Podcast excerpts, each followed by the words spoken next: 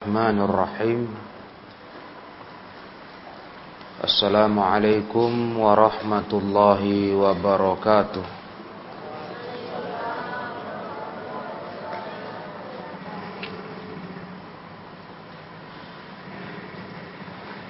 إن الحمد لله نحمده ونستعينه ونستغفره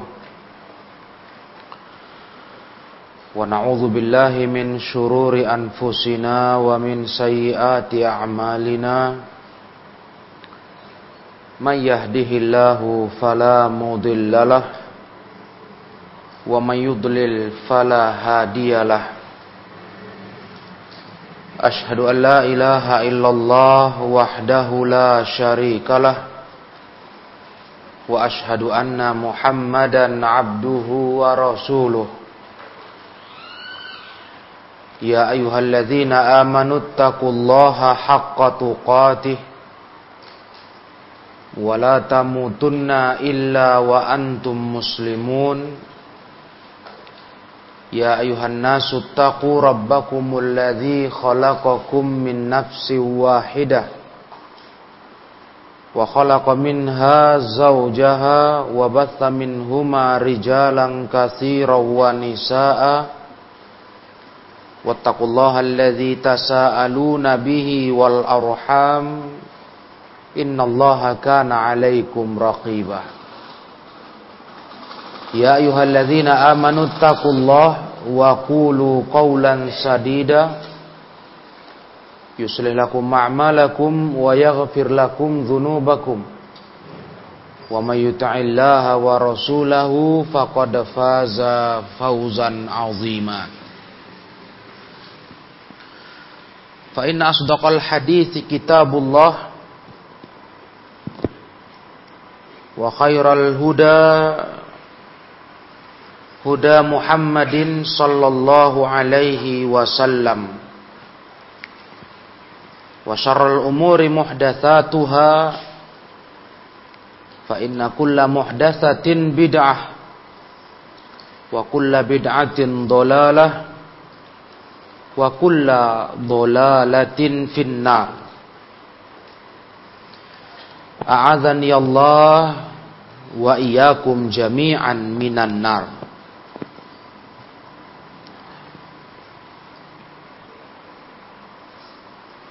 Kaum muslimin azakumullah Kita akan lanjutkan pelajaran dari Kitabul Haji di malam Jumat ini. Meneruskan uh, bab sifat atau tata cara haji. Manasik dan bagaimana proses masuk kota Makkah. Sebelum kita lanjutkan hadis berikutnya, Alhamdulillah malam Jumat lalu kita sudah membaca hadis yang panjang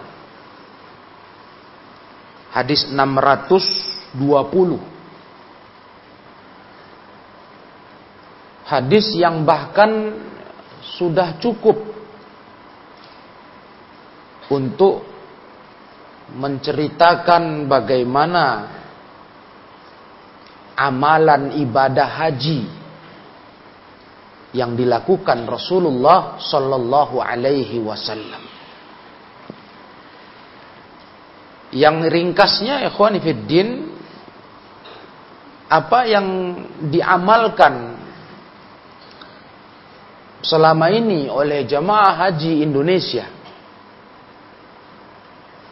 itu sudah mencocoki praktek langkah-langkah perjalanan ibadah haji tersebut sesuai yang Rasul kerjakan. kecuali satu poin.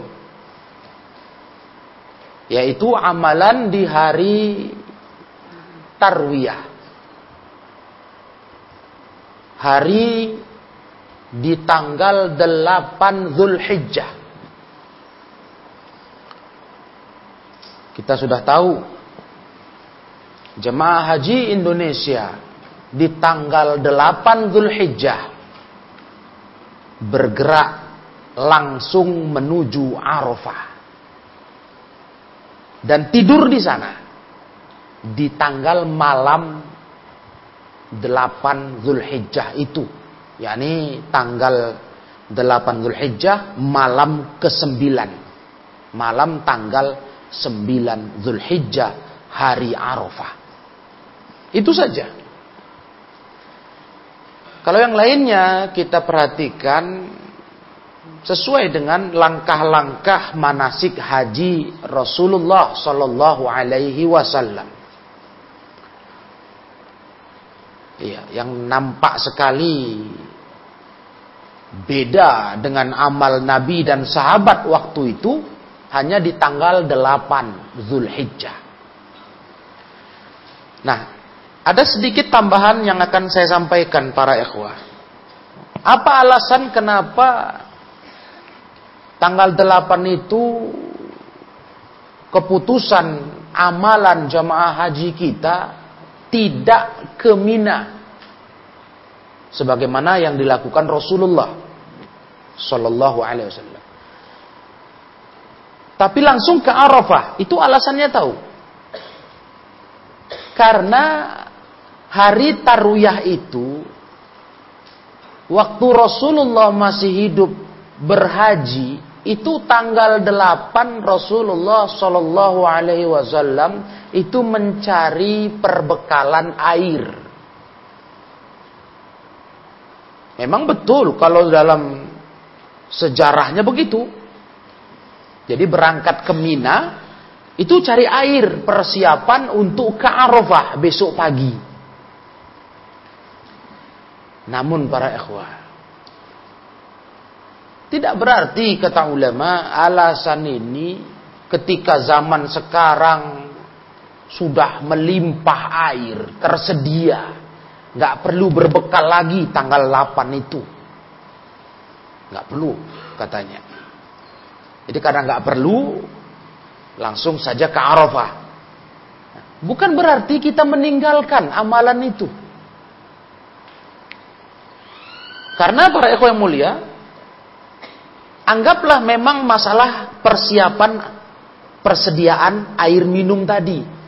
Tapi coba lihat kelengkapan hadisnya. Di tanggal 8 Zulhijjah, itu Rasulullah diceritakan sahabat mengamalkan solat-solat di Mina sampai solat subuh.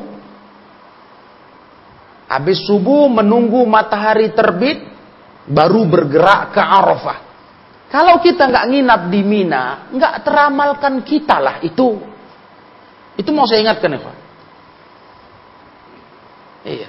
Jadi jangan fokus kepada masalah perbekalan tadi. Oh air nggak perlu lagi kita persiapkan air melimpah sekarang. Iya, melimpah. Jadi kalau ikhwan nanti coba berhaji jalan kaki, rute Mina Arafah, Arafah Mina, itu sepanjang jalan jarak sekian meter ada tempat air minum tinggal pencet keluar. Zam-zam. Para. Memang betul, nggak perlu berbekal air. Cuma masalahnya Ketika kita ingin menerapkan perjalanan haji seperti Nabi, tanggal 8 itu sholat di Mina, sampai malamnya menginap, paginya kemudian subuh menunggu matahari terbit, baru bergerak ke Arafah, nggak dapat. Karena kita udah terburu dari tanggal 8 langsung Arafah nginap di sana. Jadi nggak dapatlah itu. Mau berhaji mengikuti kesempurnaan langkah-langkah Nabi, tahapan-tahapan Nabi nggak dapat, nggak dapat kan? Karena langsung ke Arafah. Jadi jemaah haji Indonesia langsung ke Arafah, nginap di Arafah. Jadi gimana kita nggak merasakan yang Nabi rasakan di Mina, sholat-sholat di Mina, sampai subuh di Mina. Nah, ini ruginya. Nah, itu mau saya tambahkan. Alasan kenapa ditiadakan tanggal 8 ke Mina, dalihnya itu. Karena nggak butuh lagi persediaan air. Air sudah ada, banyak. Terus salah satunya menjaga kesehatan jemaah haji supaya katanya tanggal 9 wukuf itu jemaah haji sudah standby di Arafah karena udah nginap dari malam. Udah standby. Nggak perlu repot-repot lagi pas pagi tanggal 9 itu baru bergerak ke Arafah.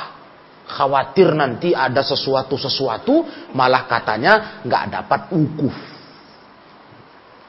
Maka saya kemarin cerita panjang sama ikhwah rute-rute itu supaya ikhwah bisa punya gambaran. Insya Allah nggak ada cerita nggak dapat ukuf di Arafah kalau kita berangkat menuju Arafah tanggal 9 pagi. Nggak ada cerita nggak dapat. Jangankan naik kendaraan mesin, mobil.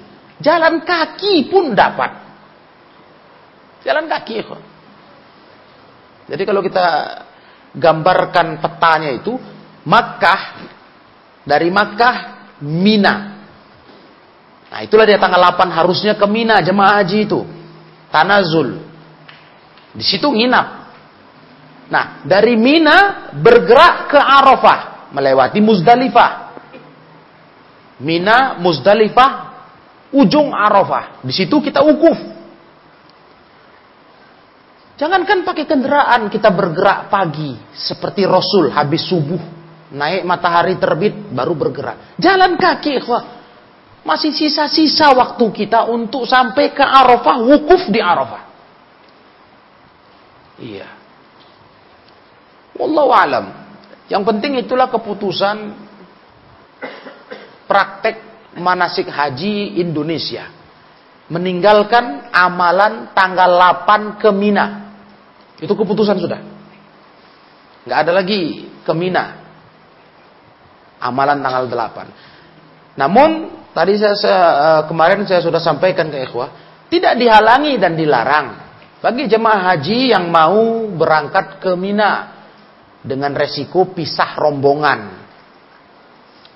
Sehingga dibutuhkan pemberitahuan. Ya, kerjasamalah dengan ketua kloter beritahu kita mau ke Mina. Jadi mereka berangkat ke Arafah, kita ke Mina. Tidak ada masalah, nggak ada larangan. Hanya saja mereka butuh pemberitahuan. Karena tanggung jawabnya besar. Jangan sampai anggota masing-masing kloter ada yang kurang. Kehilangan orang bahaya.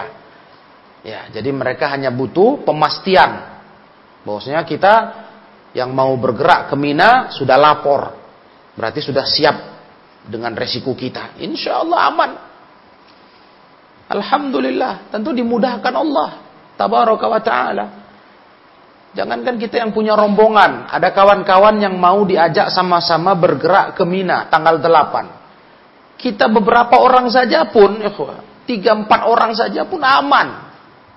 Aman para Bingung mau cari kendaraan tanggal 8 itu ke, ke Mina, jalan kaki saja, sudah disediakan. Lapang. Sampai ke Mina. Malah Allah alam dari pengalaman yang saya rasakan. Dengan kendaraan itu malah kita diberhentikan jauh dari perkemahan Indonesia. Hmm. Jadi kita malah jalan kaki cukup jauh mencari di mana kemah kita.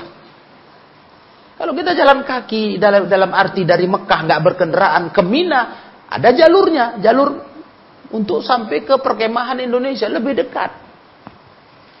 Nah, Cuma para ikhwah ketika kita belum punya punya pengalaman, memang dibutuhkan teman-teman. Karena di sini ada uji mental. Ya, tambah pula berita-berita masuk yang mengancam, awas kau nanti. Nanti nggak sampai ke Arafah kau nyasar, nggak wukuf, nggak haji. Masya Allah. Gimana mau nyasar? Semua manusia ke satu arah. Ke mana? Mau ke Sukarami ya Pak? Saya bilang begitu. Jangan asal-asal lah. Semua Mina tanggal 8, nah, tanggal 9 Arafah, hari Arafah, semua menuju Arafah. Nggak ada tujuan lain belok, nggak ada ya Karena itu haji, haji yang besar itu itu dia. Itulah haji. Al-hajju Arafah kata Rasul. Haji itu ya wukuf itu. Maka tanggal 9 semua fokus manusia ke sana. Iya. Nggak tahu pun kita rute yang udah disediakan penunjuk jalannya. Tengok orang rame ke mana saja sudah. Nah, jadi berlebihan kadang memberikan ancaman-ancaman kepada jemaah haji yang memang nggak ada pengalaman. Tentu khawatir. Maka saya anjurkan sebelum berangkat haji, mungkin tahun depan sudah dibuka, mudah-mudahan Ikhwah cari informasi siapa kira-kira kawan-kawan Indonesia yang ada berombongan untuk tanggal 8 bisa ke Mina Tanazul ya. Nah, itu menguatkan mental. Nah, ya karena rame-rame kan lebih semangat begitu.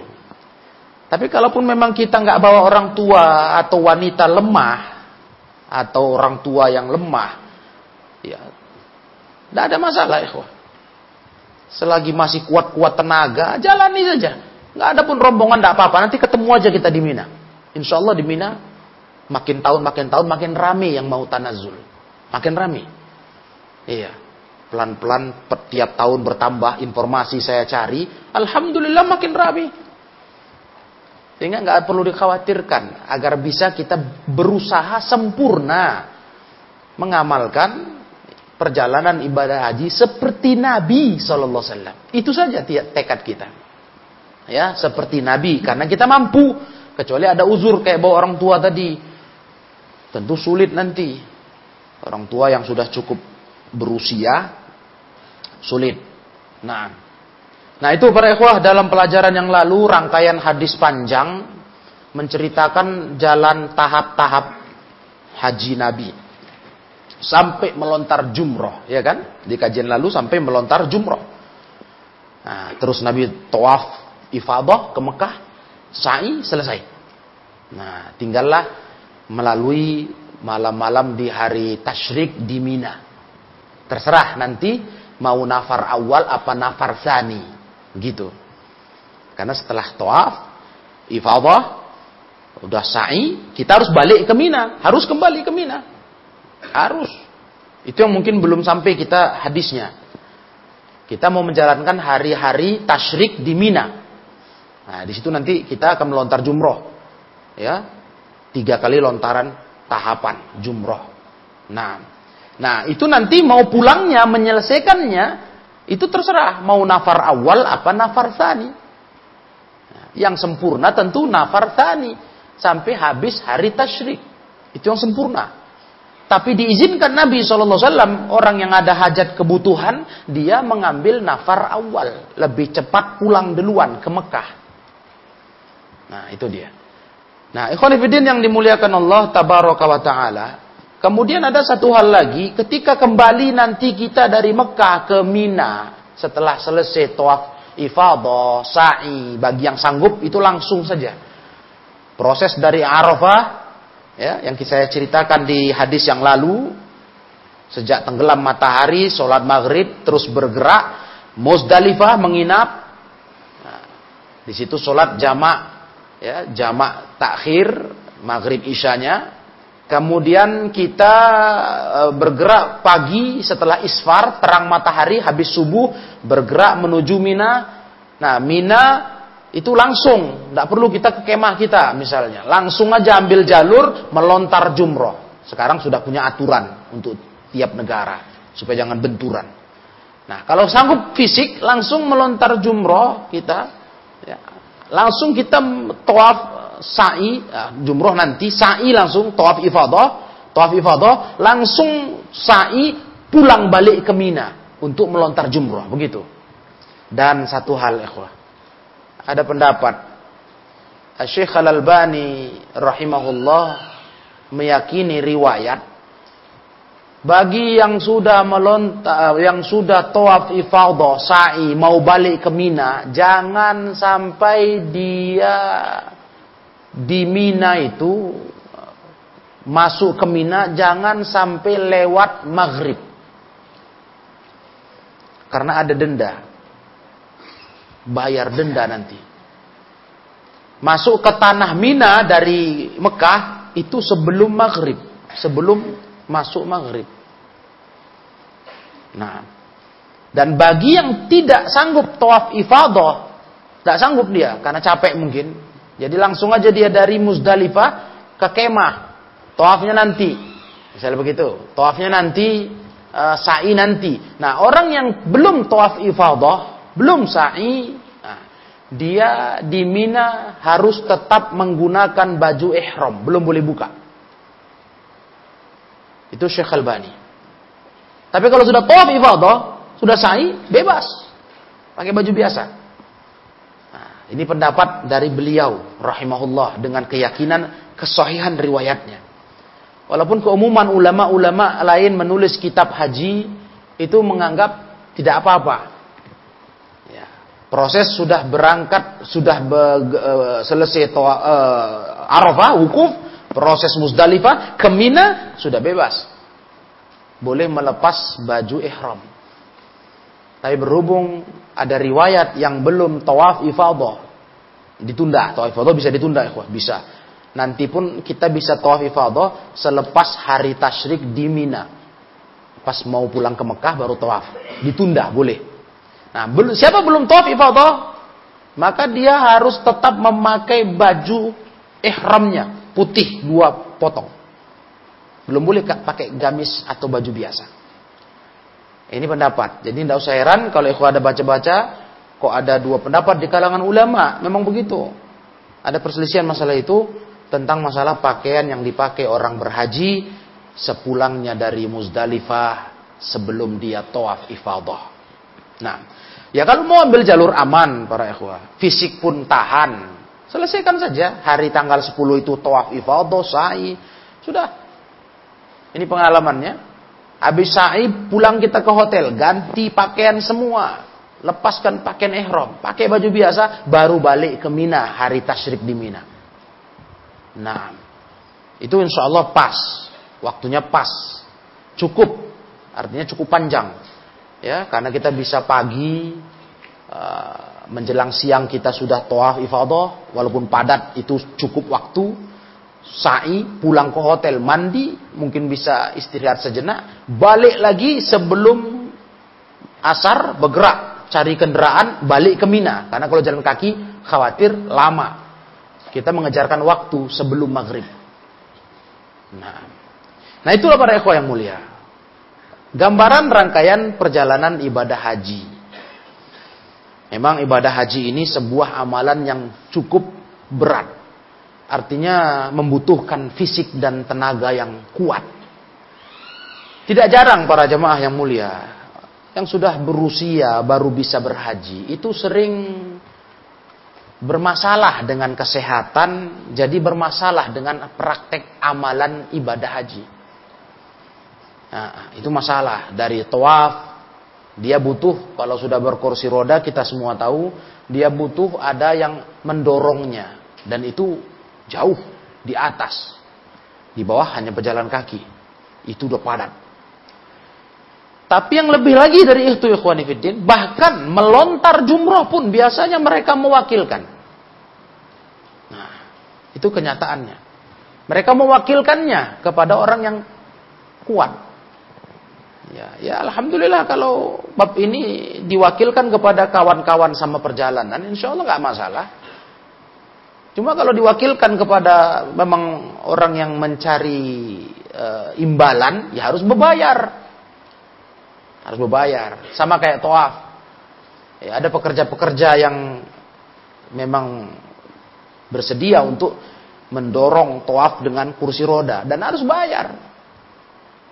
Nah, nah itulah perlunya kebersamaan dalam berangkat haji, kawan atau kita sebagai anak dari orang tua yang memang dibutuhkan perhatian ekstra kepada orang tua. Nah, dan Para ekor yang mulia, ini kondisi tiap tahun yang dijalani di tanah suci bagi jemaah haji dunia, bukan hanya Indonesia. Ya, begitu para jemaah rahimakumullah. Sekali lagi kita berdoa kepada Allah tahun depan mudah-mudahan haji sudah normal. Mudah-mudahan jemaah haji seluruh dunia sudah diizinkan, diperbolehkan untuk masuk ke kota Saudi Arabia, ke negara Saudi Arabia menjalankan ibadah haji di kota Mekah. Nah. Nah, sekarang kita lanjut kepada hadis 621. Wa Khuzaimah binti Thabit radhiyallahu anhu anna an-nabiy sallallahu alaihi wasallam kana idza faragha min talbiyatihi fi hajjin aw umratin sa'ala Allah ridwanahu wal jannah wasta'adza bi rahmatihi minan nar. Bahwasanya Nabi SAW kalau sudah selesai dari talbiyah, labbaik Allahumma labbaik sampai akhirnya, di waktu haji atau umroh, ya, itu ucapan talbiyah, labbaik Allahumma labbaik labbaik la syarika laka labbaik sampai akhirnya itu. Kalau sudah selesai, Nabi memohon kepada Allah ridhonya. Ada tambahan, permohonan ridho, permohonan surga. Dan Nabi SAW berlindung kepada dengan menyebut rahmat Allah dari neraka. Ada tambahan setelah habis talbiyah. Di riwayat ini ya. Dan riwayat ini ikhwah dikeluarkan Imam Syafi'i, perawinya Imam Syafi'i dan hadis ini sanatnya doif, lemah. Lemah. Diterangkan para ikhwah, kelemahan hadis ini ada rawi namanya Salih bin Muhammad bin Zayadah Al-Laizi. Orang ini orangnya lemah, dhaif. Jadi tidak bisa dipakai jadi hujah. Nah, jadi nggak bisa dipakai untuk sandaran hukum, ya. Yang pasti para ikhwah yang mulia, di masa kita melaksanakan manasik haji umroh itu tempat makbul doa. Kapan saja ikhwah berkesempatan berdoa, berdoa. Tanpa bersandar ke hadis doaif ini. Berdoa kepada Allah tabaraka wa ta'ala. Iya. Kan kita sedang mendekatkan diri kepada Allah. Bisa para jemaah bayangkan. Sedangkan pakaian kita, kita copot semuanya pakai dua lembar pakaian putih. Kain putih. Kita copot semua duniawiyah kita. Betul-betul menghadap kepada Allah dengan kerendahan diri. Setara semua manusia, nggak ada pangkat, nggak ada jabatan di situ, nggak ada, nggak ada terpandang siapa pun, sama. Hmm, semua pakaiannya cuma itu, nggak ada aksesoris-aksesoris penghias diri untuk menunjukkan kelas di depan orang lain, nggak ada. Copot semua. Pakaian-pakaian kebesaran, pangkat-pangkat jabatan, copot semua, seragam-seragam. Pakai baju, kain putih saja dua helai. Masya Allah. Luar biasa, tamu Allah. Makanya doa-doa yang kita lantunkan saat menjalankan itu, Masya Allah, makbul. Ditambah tempat-tempat atau saat-saat berdoanya pun luar biasa. Di Arafah. Ketika wukuf, sejak matahari tergelincir, itu banyak doa, banyak doa, minta sama Allah. Ketika itu kaum muslimin sedang dibanggakan Allah kumpulan-kumpulan mereka itu di padang di padang Arafah di hadapan makhluk yang di langit sana. Allah membanggakan hamba-hambanya manusia yang wukuf di Arafah siang hari itu. Dibanggakan Allah di depan penduduk langit. Bayangkan itu. Betul-betul jadi perhatian. Nah, di situ doa. Doa, makanya ikhwah di saat wukuf itu tinggalkan mengobrol. Tinggalkan bercerita sana sini. Fokus berdoa, berdoa kepada Allah. Ya, panjang itu waktunya. Ba'dal, ba'da zawal, setelah matahari tergelincir. Nah, sudah masuk zuhur, tergelincir. ya nah, Biasanya kan sudah sholat zuhur, sudah semua. Sampai nanti maghrib. Ya. Alhamdulillah kalau kita kerjakan itu dengan serius. Terasa puas nanti haji kita ya. Terasa lapang dada kita. Waktu setengah hari kita fokuskan minta kepada Allah. Bayangkan itu. Mau berapa agenda permintaan pun tumpahkan di situ. Hmm. Apa yang terpikir kita selama kita belum wukuf di Arafah, selama kita di rumah, di hotel, di kampung halaman, di situ mintakan ke Allah. Dan saya ingatkan ikhwah, Allah Ta'ala paling senang kalau kita semakin rajin meminta kepadanya. Itu dia. Beda sama manusia. Kalau direngein manusia dimintai tolong terus-terusan jengkel. Gerem. Nah, sedermawan-dermawannya dia. Kalau kita rengek-rengekin terus dia sedikit-sedikit minta tolong ini, minta tolong itu, dia muak. Itu manusia. Kalau Allah semakin kita rajin minta, semakin terus meminta, Allah semakin senang. Karena makin membuktikan rasa butuh kita kepadanya. Makanya Ummul Mukminin Aisyah radhiyallahu taala anha berpesan kepada kita, "Salullah kulla syai." Minta sama Allah semua segala urusan apa pun itu. Hatta syas'a. Asyas'a sampai urusan tali selopmu. Wah. Jangan ada kata alah remeh begini kok diminta ke Allah. Jangan. Urusan tali sendalmu kata Aisyah. Minta sama Allah. Nah, fa innahu illam yuyassar lam yatayassar kata beliau. Karena kata Aisyah, Ummul Mukminin, karena kalau tidak dimudahkan Allah, walaupun urusan tali sendal, nggak akan mudah tuh urusannya. Bisa pening kepala kita ngurus, padahal tali sendal. Sepele aja sebenarnya itu. Tapi kalau nggak Allah beri kemudahan, nggak mudah itu urusannya, kata beliau. Nah itu ma'asyirul ikhwah. Tanpa hadis doaif ini, kita tetap yakin banyak doa kepada Allah di waktu menjalankan ibadah haji umrah. Banyak zikir. Ya, banyak zikir kepada Allah taala. Maka ketika saya ditanya tentang masalah buku-buku panduan zikir yang mau dibaca jemaah haji, saya para ikhwan mulia tidak pernah menyalahkan buku itu. Sepanjang jangan dibuat Zikir itu seakan-akan khusus untuk kegiatan-kegiatan tertentu dijudulin labelnya. Yang itu padahal dari Nabi nggak ada. Kalau itu hanya rangkuman isi doa-doa yang memudahkan jemaah haji membacanya karena ngafalnya berat, panjang-panjang, boleh. Yang jadi masalah seringnya nah, dikasih judul, labelnya ada. Baca ini kalau sedang di sini, berada di tanah ini. Nah, Nah, ini yang nggak ada pula para ikhwah, nggak ada pula riwayatnya. Artinya e, pernyataan dari Nabi nggak ada begitu. Ya.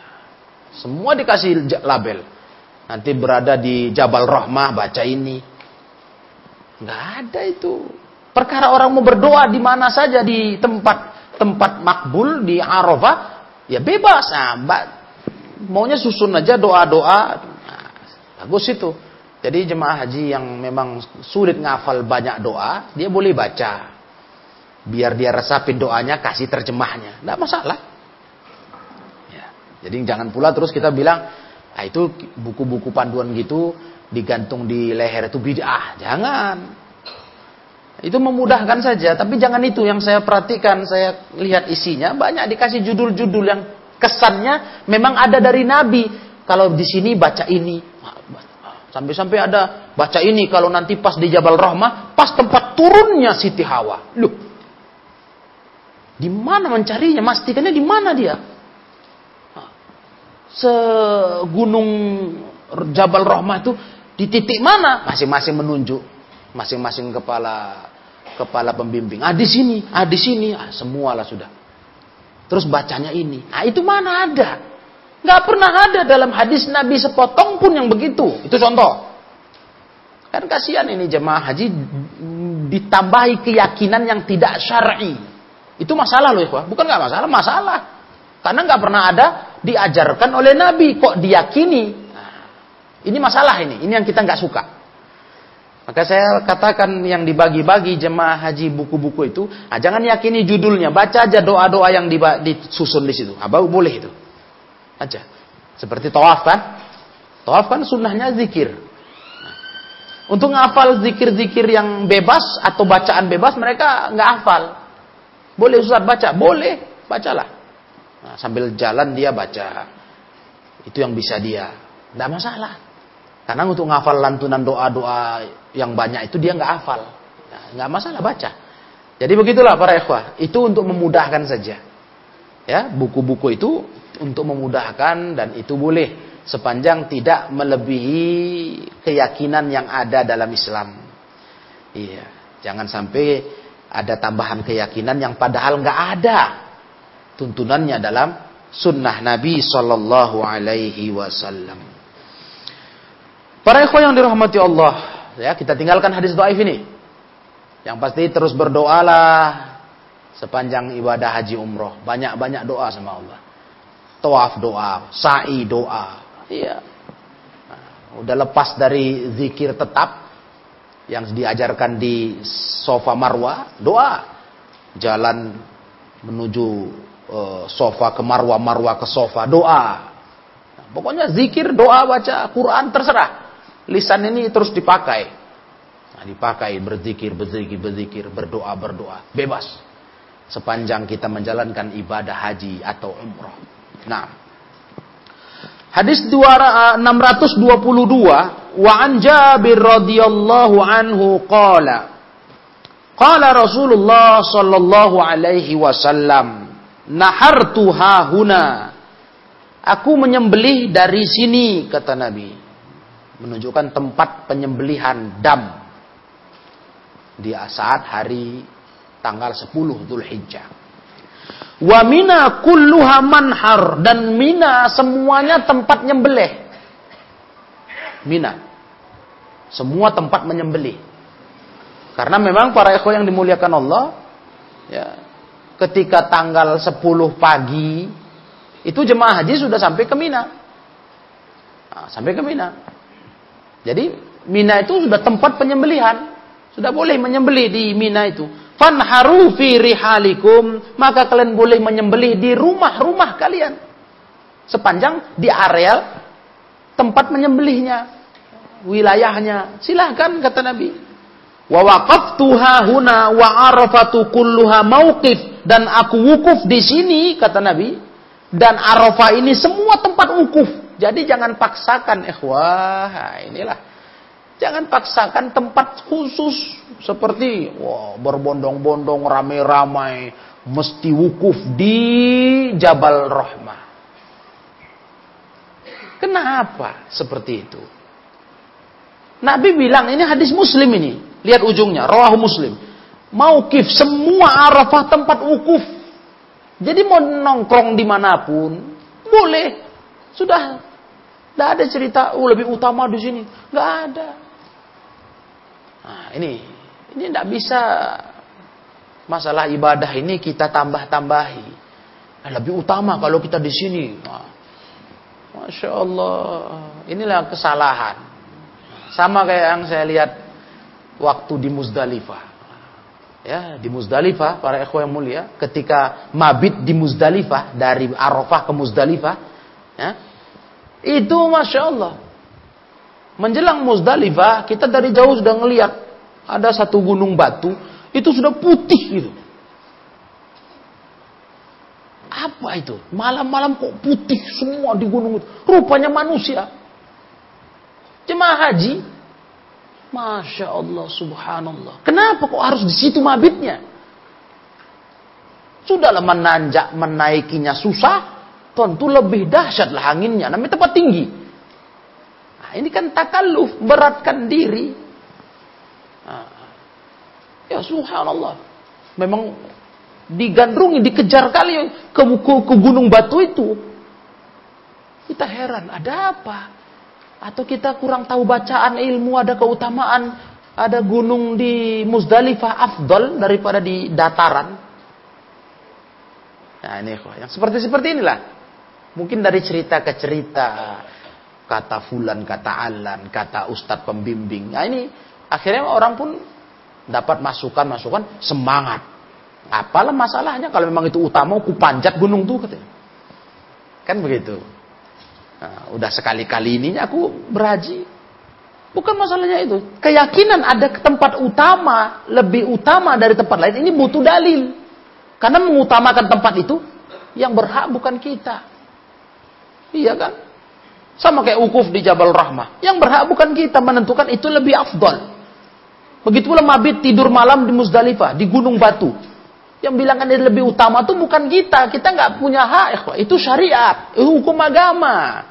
Mengutamakan satu tempat dari tempat lain hukum agama. Kalau nggak ada dasar dalilnya, nggak usah. Ya sudah, nggak main, ngapain susah-susah, sulit-sulit ke situ. Iya, di dataran kita tidur cari tempat, cari lokasi yang bisa ngeletakkan badan, selesai. Nah inilah Khwanifidin. Ya, ini yang harus kita ingat. Maka Rasulullah katakan, Arafah semuanya maukif. Iya, semua maukif.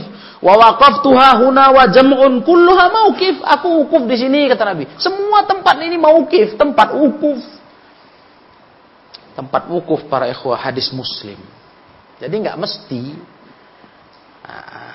Ini pengalaman juga ini. Saya sampaikan ke ikhwah masalah tanazul tadi. Memang resikonya salah satu resiko tanazul. Dari Mina kita ke Arafah itu memang nggak mesti kita bisa berkumpul lagi dengan rombongan di Arafah. Karena Arafah kan kemahnya udah ditentukan. Ini jamaah Indonesia. Sebab kalau kita naik mobil itu dia ada rutenya, ada rute jalur sekian, jalan nomor sekian, nomor sekian. Ah, kita kan nggak tahu ini, kita yang kita naik ini yang ke arah jalur berapa. Ya. Jadi kalau istilahnya saya gambarkan ke ikhwah, ini jalan besarnya masuk ke Arafah, rute Indonesia itu di ujung. Nah, mungkin yang kita naik ini rutenya yang malah yang sisi sini. Ya. Jaraknya kalau kita paksa dari kita berhenti turun mau ngejarkan rombongan ke ujung, waduh Arafah itu bukan kecil. Kayak nggak sampai-sampai lehwa. Besar betul, luas betul. Nah, oleh karena itu, jangan ada pemaksaan. Jadi kalaupun ada orang bilang, nanti kau nggak jumpa rombongan di Arafah. Ya nggak apa-apa. Yang penting aku sampai Arafah, wukuf. Nggak apa-apa lah bilang. Toh aku dari awal memang udah nggak sama rombongan. Nanti kau baliknya bagaimana? Karena kalau kita sama rombongan ada bus. Disediakan tentu kan? Dari pemerintah, nah, dari uh, eh, KBIH kita, kloter kita. Kalau nggak ada, kau nggak jumpa bus nanti di rombongan karena nggak kumpul ke rombongan. Macam mana kau balik ke Mina, ke Musdalifah? Ya jalan kaki. Kenapa rupanya? Nah ini kok, ini yang saya harus kasih semangat ikhwah untuk ngamalkan tanggal 8 itu ke Mina. Tidak ada masalah bilang. Yang masalah tuh kalau kita nggak sampai ke Arafah, nggak wukuf di Arafah itu masalah, batal haji. Gak ada nilai haji kita kalau nggak wukuf di Arafah. Ya. Pokoknya sudah masuk areal Arafah, ada tugu besar-besar itu ditulis. Nah, ini Arafah, ini batasnya. Selesai. Nah, udah ada tempat di mana saja Arafah itu wukuf, tempat wukuf, ya cari.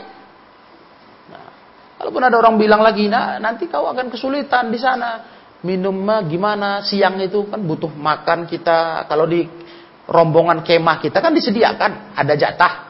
Oh, nggak usah khawatir. Di Arafah, ya, dan alhamdulillah itu beberapa tahun lalu saya tanya kepada jemaah haji yang pulang. Dia masih temui itu. Di Arafah, padang Arafah, itu beberapa titik, bahkan cukup banyak titik parkir kontainer yang berisikan makanan minuman gratis oleh para muhsinin yang mau berbuat kebaikan. Kontainer.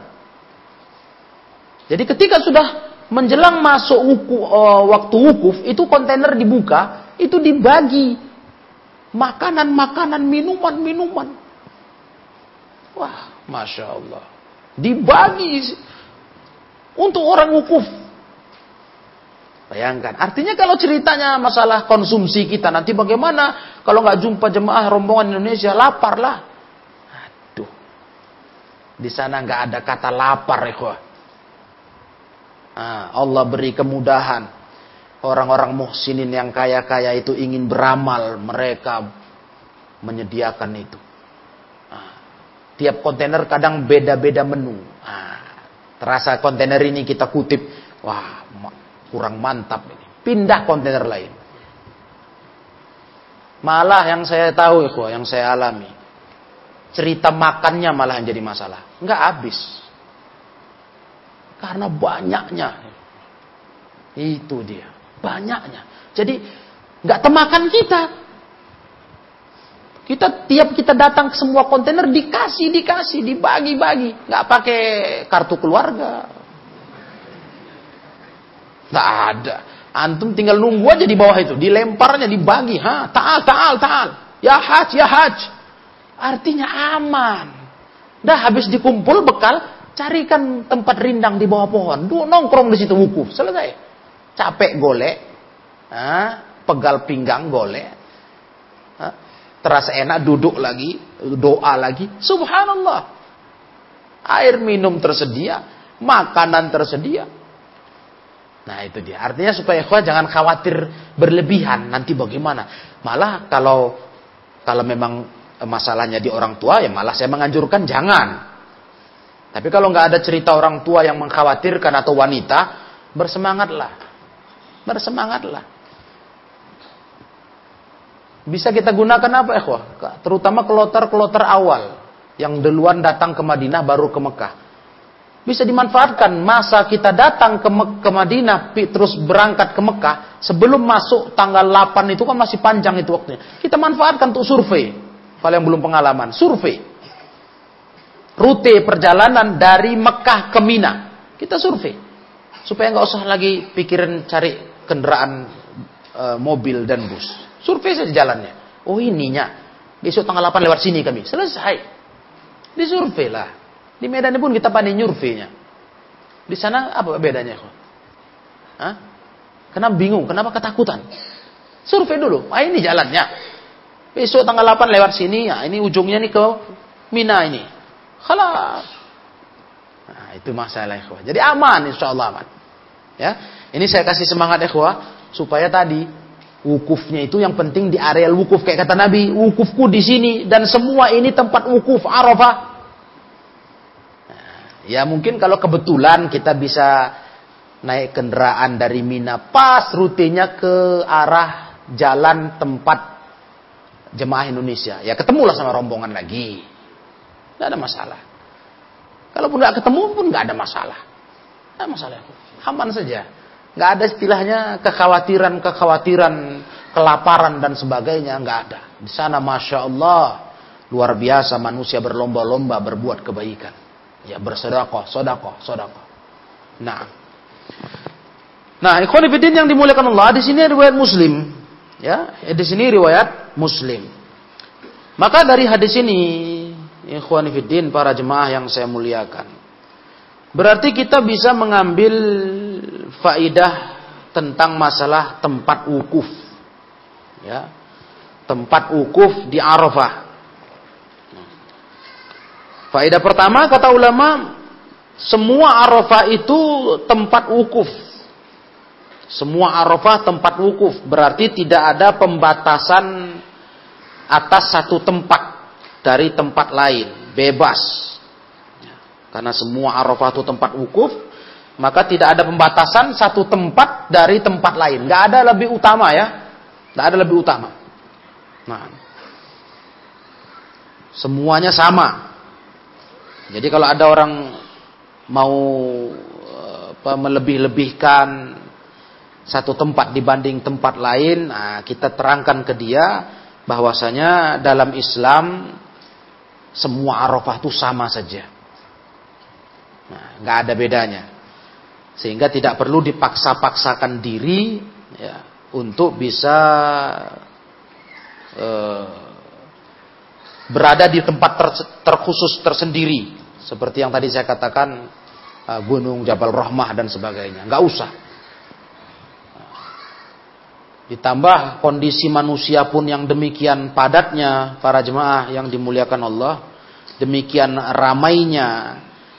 Jadi ini masalah yang bisa dikatakan nanti jadi bab uh, takalluf bab memberatkan diri yang tidak ada tuntunan syariatnya. Dan Islam dalam sunnah Nabi Shallallahu Alaihi Wasallam tidak pernah mengajarkan kepada umat ini takalluf. Ya. memberat-beratkan diri yang tidak ada tuntunannya. Jadi nggak ada Islam mengajarkan begitu. Bahkan itu dilarang. Nanti bisa jatuh kepada keyakinan-keyakinan yang yang tidak syar'i, keyakinan yang bid'ah bahasanya. Iya, keyakinan yang bid'ah.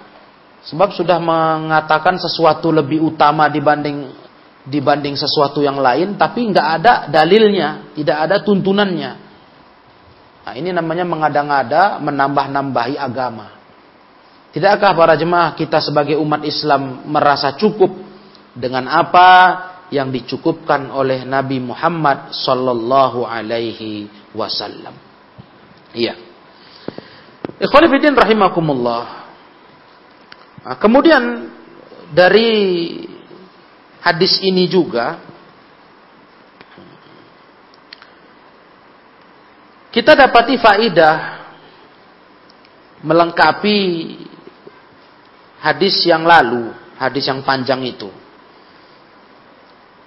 Karena dalam hadis yang panjang di sana ada keterangan yang sangat erat dengan permasalahan wukuf dan perjalanan dari Arafah ke Mina. Perjalanan Arafah ke Mina. Nah, dari Arafah ke Mina, Rasulullah SAW yang kita baca di hadis lalu itu langsung tawaf ifadah. Ya, tawaf ifadah dan sa'i. Nah, di hadis ini ditambahkan adanya kegiatan nahar, menyembelih kurban atau menyembelih hadiu.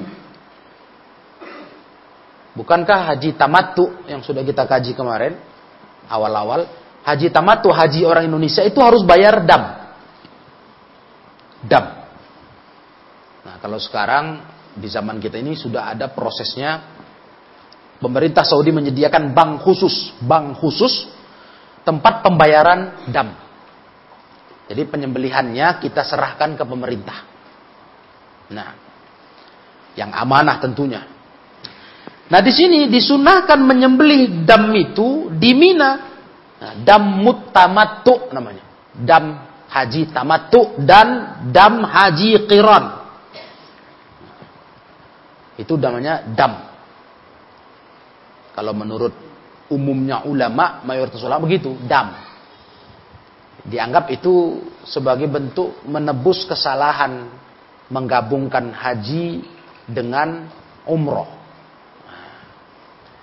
Tapi kalau beberapa ulama lagi mengatakan tidak, itu bukan kesalahan, itu cuma cuman berupa syariat saja. Nggak dianggap itu menebus kesalahan.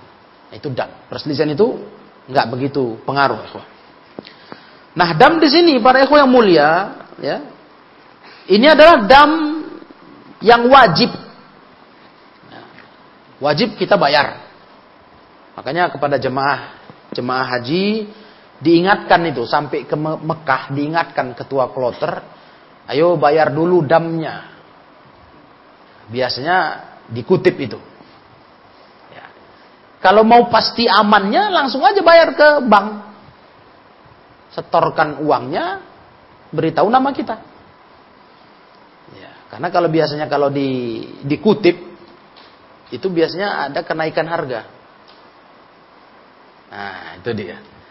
Uang capek. Dan jemaah haji memang kalau nggak mau pusing, apalagi cari banknya, ngantrinya, ya biasa diserahkan kepada yang mengutip itu. Itu harganya lebih mahal. Jadi kayak dibisniskan ya, Nah, Nah, jadi ini diwajibkan, jangan sampai nggak dibayar. Nah, termasuk nanti dam yang memang sifatnya denda. Ada mungkin amalan manasik haji atau perbuatan yang dilarang di tanah haram kita langgar. Pantangan berihram. Ya kalau memang harus bayar dam, kita bayarkan damnya. Hmm. Kita bayarkan untuk disembelih di saat waktu hari penyembelihan di Mina di saat hari tanggal 10 Zulhijjah hari raya. Iya, hari raya. Maka di sini ada yang pernah tanya, jadi bagaimana kalau dia haji, dia sudah bayar dam, Bisanya dia berkurban di Indonesia. Dia titip uang, aku kurban juga. Bisa. Gak ada masalah itu. Nah, dalam fatwa-fatwa ulama nggak ada masalah. Kalau ulama yang meyakini hadiu yang dia bayar, yang dia sembelih di Mina bayar ke, ke bank tadi itu merupakan dam, nah, tentu itu bukan kurban berarti, itu untuk menebus kesalahan. Nah, jadi kurbannya mana? Ya itulah yang dia di Indonesia. Jadi boleh orang jemaah haji dia tetap berkurban di kampungnya, silahkan. Nggak terus dikatakan dia kurban dua kali. Nah, boleh. Nah itu tambahan faedah untuk kita. Ya, jadi para jemaah yang dimuliakan Allah tabaraka wa taala, masalah kurban ini yang ditambahkan di hadis uh, yang kita baca nomor 622. Jadi perjalanan Nabi dari Mina, uh, dari Arafah ke Mina, terus ke Mekah yang kita baca di hadis sebelumnya, itu kan nggak cerita tentang penyembelihan. Nah, di sinilah dia tambahannya. Nabi menyembelih di hari 10 Dhul Hijjah di Mina. Nah, semua Mina tempat menyembelih. Di situlah Nabi SAW menyembelih dengan para sahabatnya. Dan kalau masalah kasus penyembelihan itu, kalau saya lihat hadis-hadisnya banyak, itu memang beragam-ragam macam. Di situ ada riwayat mengatakan wanaharna ma'a Rasulillah sallallahu alaihi wasallam kami nyembelih sama Rasulullah kata sahabat al-baqarah an sab'in wal ibil an sab'in. Nah, kami nyembelih satu kerbau, satu sapi tujuh orang, satu unta pun tujuh orang. Nah, ada juga riwayat lain mengatakan sahabat berkurban dengan kambing. Iya. Artinya para masyarakat ini semua sebenarnya sama. Sama saja. Nah, sama saja. Karena itu diamalkan di zaman Nabi SAW. Maksud saya ngomong begini untuk kembali menegaskan ke ikhwah. Ya, ketika sering di tiap tahun muncul pertanyaan, mana lebih afdol? Mana lebih utama? Karena kita masuk masalah penyembelihan ya. Mana lebih utama satu sapi bagi tujuh orang, satu lembu dengan satu orang satu kambing. Seringkali diulang-ulang itu, diungkit-ungkit itu. Sekarang kita lihat saja realita di zaman Nabi. Bagaimana amalan sahabat di zaman Nabi ketika berhaji? Mereka lakukan semua itu. Kami nyembelih sama Nabi, kata sahabat. Hah? Ada kami sembelih bakoroh an sab'in wal ibil an sab'in. Dalam riwayat lain mengatakan bakoroh an sab'in wal ibil an ashratin. Kalau untuk lembu, satu lembu tujuh orang. Kalau unta sepuluh orang. Ada Artinya amalan itu biasa di sahabat. Kandai kata memang lebih utama satu kambing satu orang, nggak perlu mereka berbuat itu. Semua ngejar yang utama lah. Nah, ini maksud saya itu, ya, supaya kita jangan terbiasa suka ribut-ribut aja. Nah, suka debat-debat. Lalu sudah berulang-ulang saya ingatkan dalam kajian, dalam pertanyaan ya, saya kasih tahu. Sama. Alasannya kan itu berbagi darah satu lembu tujuh orang. Ini kan sendirian. Loh, itu yang berbagi itu karena dia besar. Ya, kalau besar tentu bisa banyak orang lah. Namanya hewannya besar. Kambing kan kecil, satu orang. Bukan masalah berbaginya dalam arti kalau ini pahala sendiri itu bagi tujuh. Wah, kasihan bagi tujuh. Sehingga pernah beberapa tahun lalu saya sampaikan malah ada fatwa ulama mengatakan kalau dipikir-pikir yang lebih afdal itu apa? Mana yang lebih cocok dengan warga setempat? Lebih sesuai untuk dikonsumsi, lebih senang mereka. Sampai ada fatwa. Saya bacakan sudah ikhwan. Kepada ikhwan itu. Sampai ada ulama berfatwa begitu. Berhubung itu diamalkan di zaman Nabi, ya ada kurban sapi, tujuh orang, lembu, tujuh orang, ya kan? Unta tujuh orang, kambing satu orang. Itu dibuat sahabat dengan Nabi SAW. Tanpa ada perdebatan, keributan, atau ada sindir-sindiran, lirik-lirian. Aku sendiri, kau tujuh orang. Nggak ada. Nggak ada ya. Nggak ada seperti itu. Pengen mereka Malah ulama berkata, mana yang lebih cocok? Artinya begini ya, andai kata satu daerah itu ada yang nggak cocok dengan sapi, nggak suka mereka. Nggak selera. Nah, kambing selera. Ya sudah. Yang mana cocok menyenangkanlah kambing kita buat. Kenapa tidak? Itu ada satu fatwa saya dapati. Atau malah daerah itu lebih suka lembu. Lebih suka. Kambing mungkin mereka nggak senang, nggak suka. Ada mungkin nggak suka baunya. Ya, kenapa tidak kita potong lembu? Kan mana untuk untuk mana ibadah kita jalan menyenangkan jemaah yang kita bagi. Wa tasaddaqu kata Rasulullah, sedekahkan. Nah, ketika daerah itu semua bisa-bisa saja, aman saja. Yang penting dikasih daging. Nah, mau apa pun jadi. Ya sudah aman lah kalau gitu. Ikhwah, silakan. Makanya kita pun di sini Masya Allah.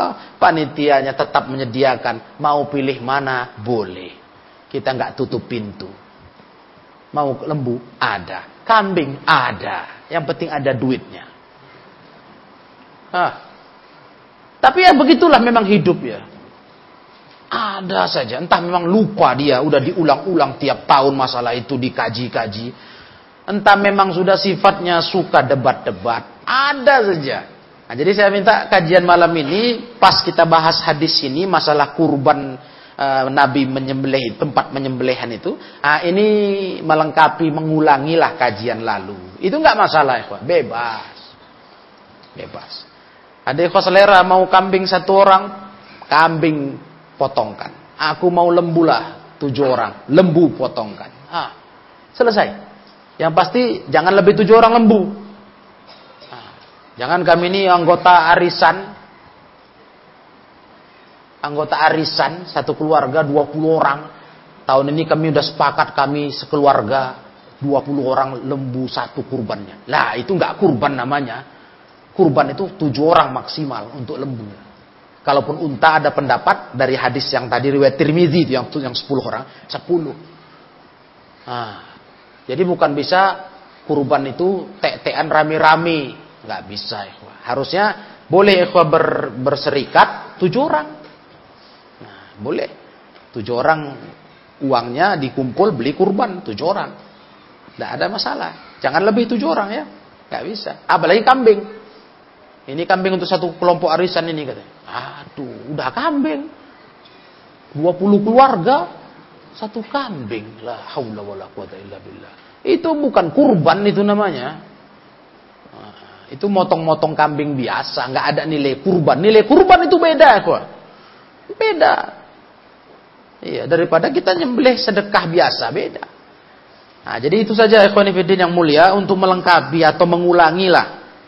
Karena kita berhubung di sini ada menyinggung hadis tentang Rasulullah Shallallahu menjelaskan Mina semua tempat nyembelih.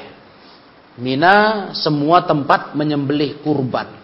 Ya, har tempat nyembelih. Nah, oleh karena itu kita teringat dengan masalah penyembelihan kurban. Nah, sekedar mengulangi saja supaya kita lebih segar ilmunya dan bisa lebih mencegah pembicaraan-pembicaraan masalah ini untuk diarahkan kepada perdebatan yang gak ada habisnya. Gak ada habis lah. Karena memang ulama dari dulu udah berselisih, udah ada dibahas mereka dan gak selesai itu. Kok kita sekarang berusaha menyelesaikannya? Nah, ini yang unik kita. Jadi kalau ada perselisihan itu bukan maknanya kita mau suka-suka hati. Tapi janganlah pula kita merasa sebagai hakim yang bisa menyelesaikannya. Nah itu namanya nggak bijaksana dalam beragama. Orang bijaksana itu perselisihan itu dibiarkan ada dan dia berusaha mengambil yang paling yakin dia kepada kebenaran. Diambil, diamalkan, dah selesai. Orang mau tanya dia sampaikan tanpa dia paksakan ya. Itulah orang yang masya Allah beragama. Dia nggak asal-asal ngambil fatwa-fatwa yang berbeda, tapi dia ambil yang paling dekat dalilnya kepada kebenaran. Yang dia yakin, dia siap bertanggung jawab kepada Allah, ini kuras yang paling cocok. Begitu. Karena kalau untuk meniadakan perselisihan itu, menyatukan suara, itu nggak kerja kita. Nggak mungkin lah. Ulama saja pun dari dulu sudah begitu, berselisih. Jadi nggak ada istilah kita harus rempak kita, spontan sama pilihan, nggak bisa. Itu nggak betul dalam beragama, bersunnah dengan cara Nabi Wasallam. Ya demikianlah kaum, kaum muslimin ikhwanifiddin azakumullah. Dua hadis ini yang bisa kita tambahkan hmm, sampai masalah wukuf dan penyembelihan.